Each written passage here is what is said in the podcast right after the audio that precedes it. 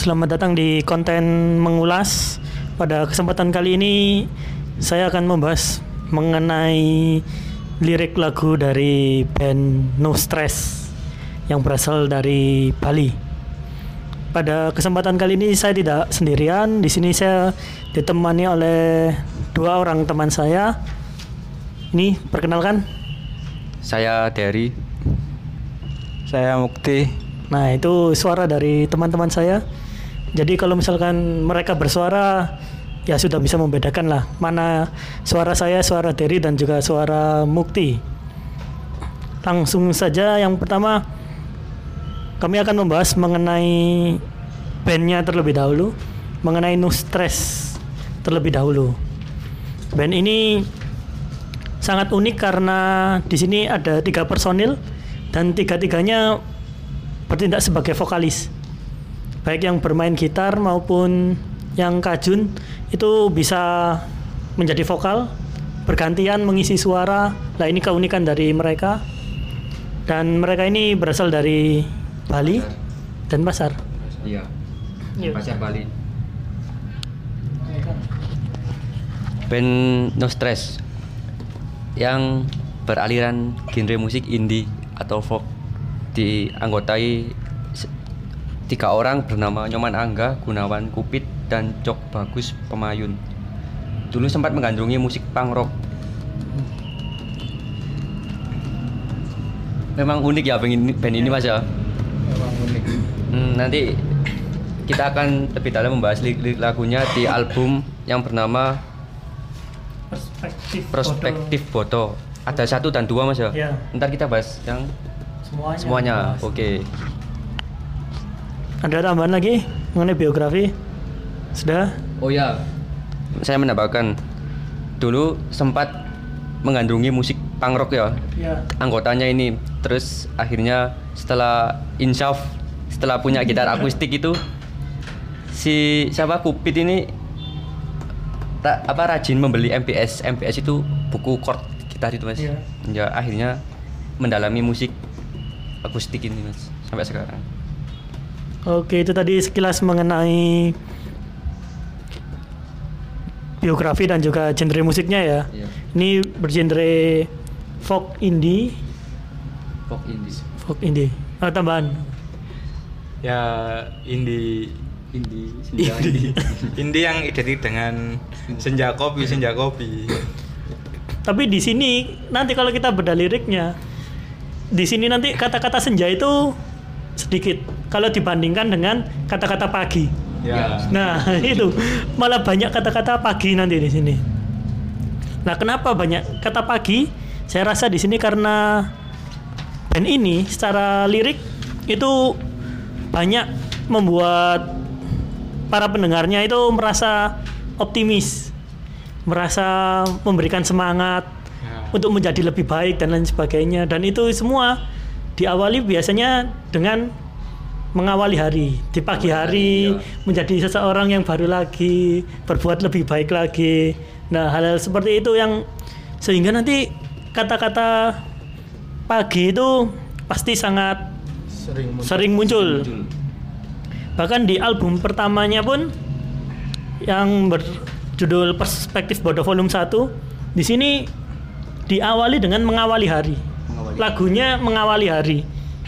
Nah, ini kalau misalkan secara keseluruhan saya coba membahas mengenai album pertama dari No Stress ini lebih banyak membahas mengenai bagaimana band ini memberikan semangat kepada para pendengarnya.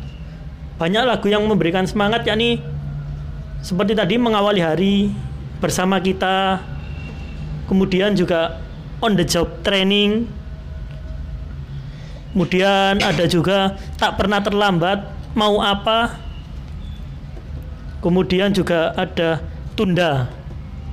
Selain lagu-lagu yang memberi semangat di album pertama ini juga ada lagu-lagu yang bercerita tentang lingkungan dan juga sosial. tanam saja saja. Tanam saja album kedua. Album pertama itu Hiruk Pikuk dan Pasar. Kemudian ada juga Smoking Kills berbicara tentang tentang realitas sosial. Kemudian ada juga kantong sampah, berbicara tentang lingkungan juga. Nah, dari beberapa lagu ini kira-kira yang paling disukai teman-teman yang mana? Kalau saya pribadi saya suka yang tunda. Tunda. Kalau saya yang profes- perspektif bodoh yang pertama itu agak apa ya? Ya su- apa suka semua lah lagunya. Tapi yang saya dalami tadi itu di perspektif bodoh yang kedua album keduanya. Oh, yang kedua. Yang pertama masih belum sempat. Kalau saya bukan di album pertama, album kedua di Tanam Saja. Tanam saja. Oh ya, nanti akan kita bahas mengenai lagu Tanam Saja. Sebelumnya saya akan mengulas mengenai album pertama ya. Album pertama tadi ada mengawali hari. Di situ ada kata-kata yang benar-benar memberikan semangat yakni semua karena kita sendiri. Ya. Kita yang menentukan kita ya diri kita Ya, sendiri gitu. sendiri. Tetap jalani, tetap nikmati lah di sini. Bagaimana ketika ada masalah yang datang pun ya kita harus bisa menghadapinya gitu. Kemudian ada lagu bersama kita. Di sini ada percampuran antara lagu yang memberikan semangat dan juga pertemanan, pertemanan. Takkan selamanya indah, takkan selamanya buruk. Coba selalu hadapi. Mari bersama kita hadapi dengan kita. Nah, di sini sudah tampak jelas bahwasanya oke ketika kita ada masalah, kita hadapi bersama-sama. Ada juga semangat untuk berubah menjadi lebih baik itu ada di tak pernah terlambat. Di sini ada sedikit penggalan liriknya itu tak pernah terlambat jika kau ingin berubah. Nah di sini juga nanti banyak berbicara tentang ketuhanan di dalam lagu ini. Lah buat yang tertarik bisa saja didengarkan yang lagunya tak pernah terlambat. Tentang pertobatan lah saya secara sederhana menyimpulkan. Kemudian ada yang berjudul mau apa? Ini ada penggalanya dari hari ke hari aku terus mencari apa yang sebenarnya hati ini inginkan dalam hidupku dalam napasku. Kemudian ada lagi mau apa aku dengan hidupku ini? Ini yang terus diulang-ulang mau apa aku dengan hidupku ini? Jadi di sini ada proses pencarian jati diri yang mana ketika dicari hendaknya nanti bisa menimbulkan optimisme di dalam diri kita. Ya dan yang terakhir pastinya ada juga yang tentang yang tunda di mana kita jangan sampai lah menunda-nunda pekerjaan seperti itu setidaknya. Kemudian ada juga sebenarnya yang ini berbicara tentang perspektif tentang bagaimana kita melihat masalah. Di sini hidup ini memang indah takkan pernah sirna tapi diriku merasa resah. Kemudian terlalu banyak logika yang mengalahkan rasa. Wah, di sini kan Sangat dalam. ya sangat dalam ini. Jadi bagaimana di sini kita melihat perspektif tentang hidup ini seperti apa sih sebenarnya? Padahal hidup ini lo indah, tapi kok Iya. kenapa sih malah ada pikiran-pikiran yang nggak enak di dalam kepala kita sehingga itu malah menim- Membuat ngersulo. Nah, iya, membuat kita waduh mengeluh dan lain sebagainya, merasa resah gitu-gitulah. Ada perspektif yang itu seharusnya bisa dibuat menjadi lebih baik lagi gitu. Nah, itu saja mungkin sekilas. Saya menambahkan Mas, Iya, untuk yang mengawali hari tadi. iya. Di situ sangat saya itu ini ada kata pikirkan burukmu, pikirkan sifatmu, pikirkan sekitarmu, baru mulailah langkahmu. Ya, Ini kan Di- bahwa kita seorang itu sebelum memikirkan apa menilai orang lain atau memikir menilai-nilai orang lain tuh kita pikirkan dulu diri kita itu sudah baik apa belum sih Iya. terus sifat kita itu sudah bisa dicontoh sama orang lain apa belum sih? Dan baru memikirkan sekitar dan baru memulai langkah. Kan ini memang apa liriknya itu sangat sederhana. Ibarat itu apa mas? Musikalisasi puisi mas ya? Ya. Kesedera- kesederhanaan emang. Berisi realita tentang kepe- kepedulian lingkungan juga nanti ada di judul lagu tanam saja itu. Ya. Sebelum itu kalau memang tadi berbicara mengenai bahwasanya kita harus mi- memikirkan diri sendiri baru memikirkan lingkungan sekitar lah.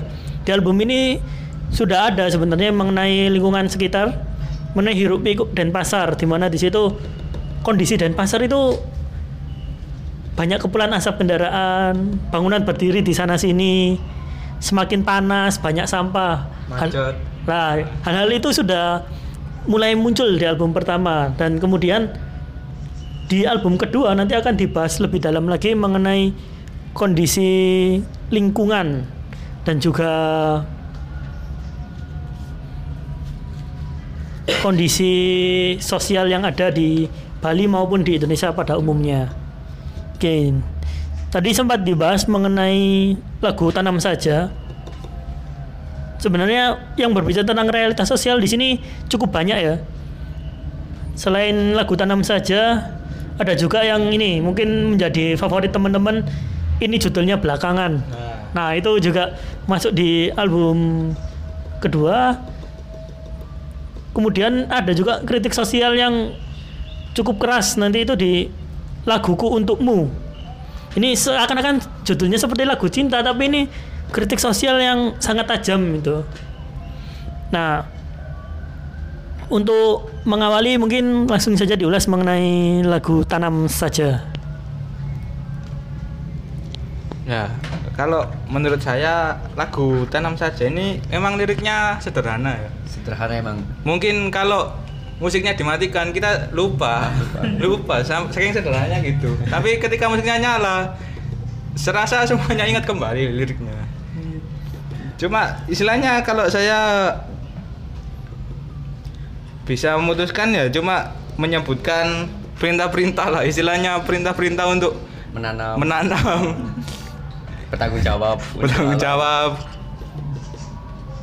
Berarti emang maknanya ini isa, di lagu Tanam Saja ini tentang isyarat pesan tentang bumi yang semakin mempriha, memprihatinkan misal. Kita lihat emang sekarang Indonesia ini tidak baik-baik saja lingkungannya. Ya. Banyak hutan-hutan dibakar, terus penggusuran, gunung-gunung di keruk. Dah sudah banyak lagi lah. Emang ber- memprihatinkan emang. Sampai di sini ditulis tentang rumput liar. loh. Berarti sebuah kritikan bahwa rumput liar saja sudah tidak sudi lah tumbuh di sini. boleh boleh. Iya. Dan hal yang unik itu juga di situ ada sampai bahas-bahas pohon pisang juga. ya. Iya. Ya, ya, ya, tentang pohon pisang. Iya tentang pohon pisang. Oh iya, maksudnya sampai kok kita nggak kepikiran ya sampai ke sana ya. Padahal pohon pisang itu ya pohon yang paling mudah untuk ditanam. Iya. Nah itu ada mungkin penggalan katanya juga kita harus menanam kembali satu saja. Ya di sini ada kata-kata kita harus menanam kembali satu saja sangat berarti untukmu. Nah di sini ada semacam seruan untuk kita menanam. Kalau misalkan mungkin di agama menyuruh kita sampaikanlah walau hanya satu ayat mungkin ini tanamlah walaupun hanya satu benih.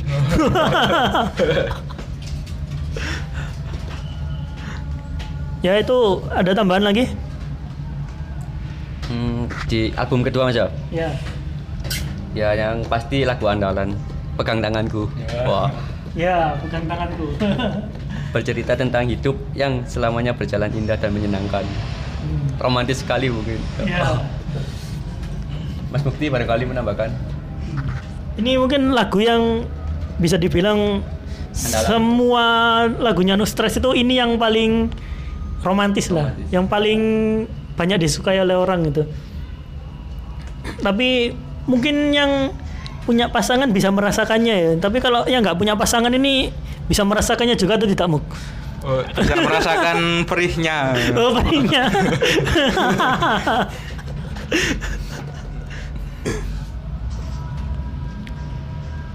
nah, tapi di sini khas dari No Stress adalah lagu apa pun itu, entah itu yang romantis atau yang temanya lingkungan atau apa pun itu pasti ada ser- nah ada pesan-pesan yang dalam di situ. Misalkan di lagu Pegang Tanganku itu tadi. Di sini ada kalimat jika senang jangan terlalu, jika sedih jangan terlalu. Nah, di sini menganjurkan untuk kita bahwasanya oke hidup ini pasti ada naik turunnya dan kita di sini ya harus bisa menyesuaikan diri. Kalau seneng nggak terlalu ini, soalnya kalau terlalu senang juga ketika sedih nanti Terlalu juga. Nah, sedihnya pasti bakal terlalu itu. Nah, ada pesan-pesan seperti itu. Dan itu tadi dari segi lirikal mungkin banyak ya yang suka dengan lagu pegang tanganku tapi secara kualitas vokal itu saya paling suka dengan yang ini judulnya belakangan Oh ini judulnya belakangan. Iya, Ya. itu kan lagu itu Memang. dipenuhi dengan apa ya? Kalau orang Jawa kan namanya tembang. Tembang. Ada nembangnya itu. Kan kalau Madura kan juga ada tembang Dura itu apa namanya juga. Nah, kalau ini mungkin ya tembang Bali lah. Ada bermain lekuk-lekuknya di situ. Nah, itu yang membuat unik ya. Berbicara tentang kondisi di Bali. Iya, menggambarkan suasana Bali di masa kini. Menggambarkan suasana Bali Mas ya tadi ya. Ya. Liriknya juga jelas ini. Esokku kembali semoga beton tak tumbuh lebih subur daripada pepohonan. Itu Iya. sebuah sindiran Mas ya Ya. bahwa Bali tolak Reklamasi. reklamasi. Jaring. Nah itu tadi. Kemudian kalau misalkan di album pertama tadi kan yang berjudul Rasa itu berbicara mengenai perspektif kita tentang hidup. Tetapi mungkin di sini teman-teman banyak yang bertanya-tanya, loh kenapa kok yang di album pertama itu namanya sudah perspektif bodoh, padahal di situ tidak ada lagu yang judulnya perspektif bodoh, malah yang perspektif bodoh itu ada di album kedua. Iya. Nah di sini mungkin ya itu tadi sekilas oh rasa ini loh sebenarnya intinya tentang perspektif gitu. Nah nanti mungkin akan lebih dijelaskan kembali di album kedua yang berjudul perspektif bodoh itu. Yang ini berbicara tentang semangat juga dan tentang perspektif di mana kita harus bisa menyederhanakan masalah. Ada beberapa kali ini lirik enggan memandang hal dengan lebih mudah. Kepala ini enggan memandang hal dengan lebih mudah. Ini kan sesuatu yang buruk tentang perspektif memandang masalah ya. Kemudian ada lagi urusan yang mudah dibuat jadi masalah. Hal yang itu nggak perlu jadi masalah malah ini dibuat jadi masalah lah. Ini ada perspektif bodohnya di situ yang disampaikan oleh No Stress. Kemudian ada hal yang menurut saya permainan simboliknya itu sangat baik, metaforanya itu sangat baik. Ada di lagu yang berjudul Semut Hitam. Semut hitam. Wah, di situ ini semut hanya minta sedikit loh, nggak dikasih dah. Itu gambarannya seperti oh ini loh sudah banyak kamu punya ini masa nggak mau berbagi dengan sesamamu, sesama manusia. Nah ini ada semacam metafora yang cukup unik di sini membandingkan antara semut dan juga Manusia. manusia.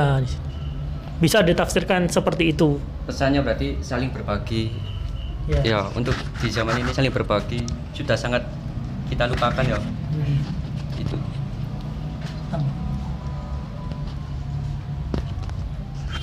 Ya itu tadi mengenai album keduanya.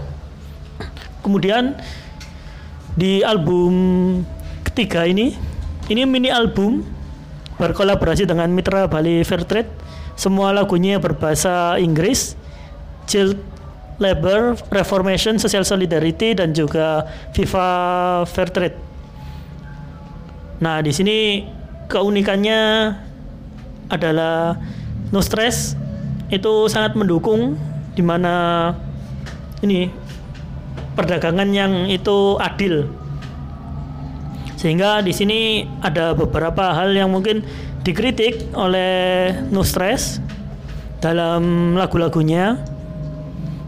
Misalkan tentang di sekitar kita itu masih banyak pekerja anak padahal itu tidak sesuai dengan hukum dan bisa membunuh masa depan anak. Hal ini dikritisi dalam lagu berjudul Chat Labor. Kemudian ada lagu berjudul Reformation. Di sini berbicara mengenai kesetaraan gender terutama berbicara tentang hukum-hukumnya ini harus lebih jelas terutama untuk di mana pekerja laki-laki dan perempuan ini juga harus ada hukum yang jelas. Misalkan saja contohnya itu untuk sekarang itu masih dapat kita jumpai pekerja-pekerja perempuan, terutama yang di luar negeri misalkan, itu TKI, TKW kadang itu di sana disiksa tapi tidak mendapatkan perlakuan yang baik secara hukum di Indonesia. Ataupun kadang-kadang mungkin ini kalau temuan saya waktu zaman saya kecil ya itu ada perempuan Indonesia keluar negeri pulang-pulang sudah hamil lah gitu. Tapi tidak ada tindakan apa pun gitu lah. Ada hal seperti itu. Berarti KPAI dan Komnas Perlindungan Perempuan harus dengar lagu ini. Nah, ya itu. Kemudian juga ada lagu Social Solidarity. Di sini mengajak kita untuk bergerak bersama menanyakan kembali mengenai free market, mengenai pasar bebas itu seperti apa ya. Dan yang jelas di sini pasar bebas pun juga tidak boleh yang namanya merusak lingkungan dan juga membuat produksi yang berlebihan yang mana nanti akan membuat orang menjadi konsumtif. Kemudian yang pamungkasnya ada Viva Fair Trade. Di sini ada style lirik Fair Trade will save our planet from greatness. Jadi bagaimana di sini ketika perdagangan itu bisa membuat adil bagi produsen itu pastinya semua bisa merata. Kesejahteraan bisa merata di situ tidak hanya dimiliki oleh salah satu pihak saja. Tidak para pemilik modal saja tetapi semuanya mulai dari distributor hingga produsen itu semua bisa merasakan kesejahteraan dari hasil jeripayahnya nah itu di album yang ketiga. Mungkin di album yang keempat bisa ditambahkan semoga ya. Kalau di album keempat itu yang saya suka uh, lagu Semoga ya. Lagu ini membuat semangat kita bangkit lagi karena di sana ada kata pagi dan malam yang jarang digunakan di lagu-lagu indie yang lain gitu. Dan ditambah lagi dari segi video klip itu sinematiknya juga memperkenalkan Bali ya kalau nggak salah itu. Ya bagaimana Mas Dari hmm, untuk album keempat ini saya masih belum mendengarkan ya. Jadi bisa dijelaskan Mas Aan dulu. Wah emang nih lagu api-api kak di jadi kalau saya di sini ketika mendengar itu saya yang tertarik ada dua lagu yang itu saling terkait gitu. Ada lagu yang pertama itu Hai Teman. Di ah. sini menceritakan keresahan bahwasanya, "Woi, ketika saya ketika di atas itu saya dibilang oleh orang-orang itu sebagai orang yang banyak bicara itu. Tapi ya mau bagaimana lagi karena memang teman-teman saya nggak mau bicara gitu loh. Nah, di atas ini saya mengibarkan itu oh mungkin di atas panggung ya. Jadi ketika di bawah itu bisa ngobrol-ngobrol enak gitu, tapi ketika di atas kok saya aja yang ngomong. Lah ini keresahan ini disampaikan dalam bentuk sebuah lagu. Kemudian dibalas di lagu setelahnya yang berjudul jawaban lagu pertama. pertama. Nah, di sini unik karena oh dibales ya sama temennya itu dan temennya mengakui bahasanya oh iya saya itu sepertinya memang memang benar kata temanku di situ kurang mencoba atau benar-benar mencoba kurang berlatih di situ. Sehingga gugup ketika berbicara di depan banyak orang. Nah ini sesuatu yang unik yang ada di album keempat ini. Dan kalau misalkan melihat lagu keempat ini memang banyak membahas mengenai hal-hal yang lebih intim lah. Yang itu di mana personal sekali untuk para personilnya no stress misalkan tadi yang seperti itu berbicara mengenai bagaimana mereka saling memberi saran tapi lewat lagu ini kan unik gitu selain itu juga ada bagaimana mereka berbicara mengenai kisah cintanya barangkali karena di sini banyak sekali lagu-lagu yang yang paling mak jelek kandas. Wah iya. Langsung itu. Kandas. itu. Ada kandas. Tapi di situ selain ada yang sedih di situ juga ada lagu yang romantis seperti Ya Kamu. Ya, itu ternyata ya kamu itu menceritakan tentang anaknya. Oh anaknya itu. Anaknya. Bagaimana itu? Ya, itu tentang seorang ayah yang baru memiliki anak gitu. Hmm, ya. Kemudian di sini juga ada mengenai pertemanan. Di sini ada yang judulnya sampai kapan. Bagaimana mereka seakan-akan merasa bahwasanya oh kita sudah beruntung ya berkarya bisa punya bisa menghasilkan empat album, punya fans dan lain sebagainya. Tetapi ya mau sampai kapan mengendalikan keberuntungan? Itu ada bercerita tentang itu. Kemudian mereka sudah bertahun-tahun itu kenal banyak teman yang datang juga lah di situ. Dan di album keempat ini seakan-akan benar-benar menunjukkan bahwasanya mereka ini sangat tulus dalam membuat lagu. Ada lirik di dalam lagu lagu ini aku.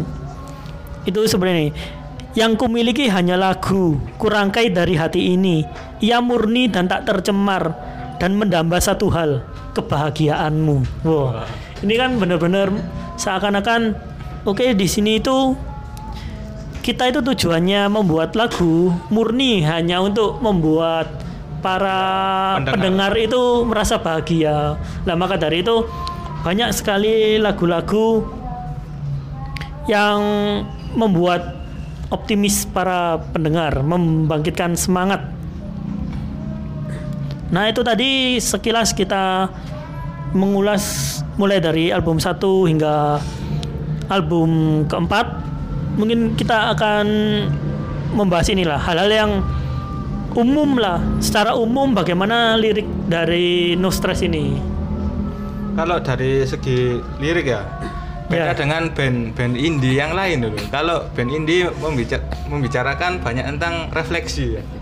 Kalau ini kan sebagai obat setelah mendengar refleksi tadi. Ya. Setelah refleksi baru mendengar nostra jadinya refleksi tadi sudah ada obatnya Iya. lah. Jadi benar-benar No stress no stress beneran No ya, stress, no, betul, no stress stress. beneran ini. Iya. Itu dan secara secara lirik itu bisa dibilang cukup sederhana gitu. Tetapi entah mengapa di lirik yang sederhana itu berbeda ketika kita mendengarkan puisi gitu. Puisi kalau kata-katanya terlalu sederhana seperti ini mungkin, wih, wiki kok menggurui sih puisi ini gini, gini.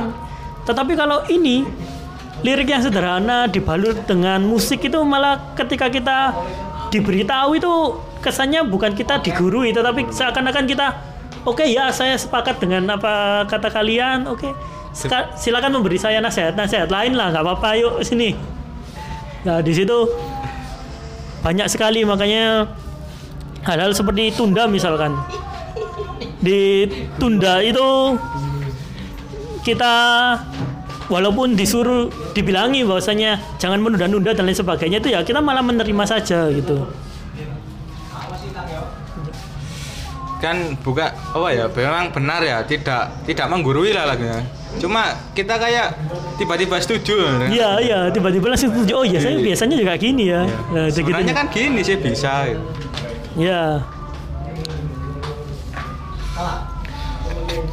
dan di antara lirik-liriknya yang optimis, penuh semangat. Kalau mengkritik pun itu juga dengan cara-cara yang unik, misalkan hiruk pikuk dan pasar. Kemudian ada juga yang ini judulnya belakangan, tapi di sini ada satu lagu yang menurut saya kritiknya itu paling keras sih. Itu laguku untukmu. Di sini di album kedua menuliskan liriknya itu di negeriku yang kucinta yang punya uang ya bisa mainkan segalanya. Nah di sini seakan-akan, oke pemerintah itu bukan hanya pemerintah tapi segala hal ya yang punya uang itu bisa melakukan apa pun yang dia inginkan. Ini yang menurut saya, uh ternyata no stress ada kritik yang benar-benar keras ya di lagu ini. Yang seakan-akan judulnya romantis tapi ternyata kritiknya yang paling keras di sini.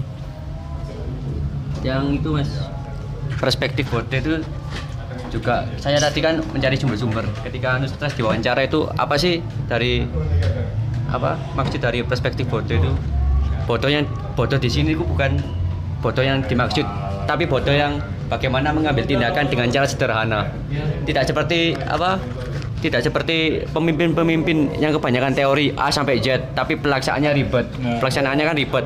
Jadi mas masalahnya makin ribet kan? Bodoh sederhana itu ya kalau kita lapar ya makan. Kalau ngantuk ya tidur. Udahlah gitu aja. Terus memandang cara bodoh yaitu memandang permasalahan dengan cara sederhana. Tuh intinya emang sederhana lah. Jangan banyak ribet gitu Yuk, itu ada tambahan lagi? Ya mungkin Ya itu saja mungkin pembahasan mengenai lagu No Stress dan yang terakhir mungkin ada atau ada tambahan? Ya, kalau untuk no stress ini, kalau menurut saya eh, dal- dalam segi genre ya, genrenya itu kadang berubah berubah-ubah, nah. kadang kadang agak ngebeat, nah. kadang kalau slow ya slow, kalau ngebeat ya agak keras, nah. bisa sampai goyang-goyang. nah. Oh ya. Terus sama eh, kan di ini bukan no stress itu.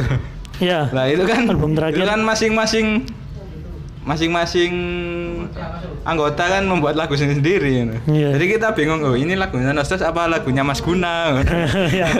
ya. Ada yang ketika tampil itu misalkan di lagu yang apa ya? Semoga ya. Semoga ya. Itu ketika di atas panggung ya nyanyi sendiri, yang lainnya turun ya. Itu keunikan-keunikan lah dari No Stress. Dan kalau lagu yang ngebeat tadi mungkin bisa didengarkan yang lagu Hai Teman Teman. dan juga tunda. Itu wah cepet banget itu. Tapi di situ melihatkan bahwasanya oke ini skill banget lah orangnya itu. Tetapi saya pernah melihat juga di YouTube itu ketika menyanyi lagu yang berjudul tunda itu saking cepetnya itu vokalisnya sampai ini secara lirik itu lewat-lewat gitu Ya. sampai bingung bingung lirik karena itu Kan menyesuaikan petian gitar. Nah iya, karena memang terlalu cepat. Nah, itu saja mungkin. Dan yang terakhir, nih mengenai lagu favoritnya teman-teman kira-kira apa saja ini? monggo dari Mas Mukti Kalau saya kandas dan semoga ya. kalau menurut saya yang paling aku suka itu mengawali hari karena hidup itu di mana-mana kita harus mengawali hari dengan baik. Dan yang kedua pegang tanganku. Sangat romantis banget ini bung. Kalau saya yang suka itu lagu yang judulnya ini judulnya belakangan. Dan juga yang pegang tanganku. Satunya berbicara tentang lingkungan dan satunya berbicara tentang cinta. Jadi kalau baru galau, baru putus, silakan dengarkan lagu kandas terlebih dahulu. Setelah itu pegang tanganku, baru semoga ya. Ya kalau sudah ada pasangannya pegang tanganku. kalau enggak ada pasangannya nanti pegang tangannya siapa nih? Eh, Mungkin kalau Sabtu malam Minggu sedang Oh, iya. hidup, rindu masa lalu bisa dengarkan pegang tanganku. eh. Ternyata sudah terlepas ya. Oh iya. ya itu saja mengenai pembahasan kita pada hari ini mengulas lirik lagu dari No Stress sebuah band yang cukup unik yang direkomendasikan untuk didengarkan lagu-lagunya. Dan mungkin kalau ada konser di Malang mungkin saya akan melihatnya. Ya siap. Ya. Tetap maju. Musik indie Indonesia. Oh. ya itu saja. Selamat berkarya karena band ini adalah band yang bisa dibilang sangat produktif. Hampir sekitar dua tahun sekali membuat album baru Dan kami pastinya sangat menanti-nantikan album yang selanjutnya. Terima kasih. Sampai jumpa di konten mengulas yang lainnya.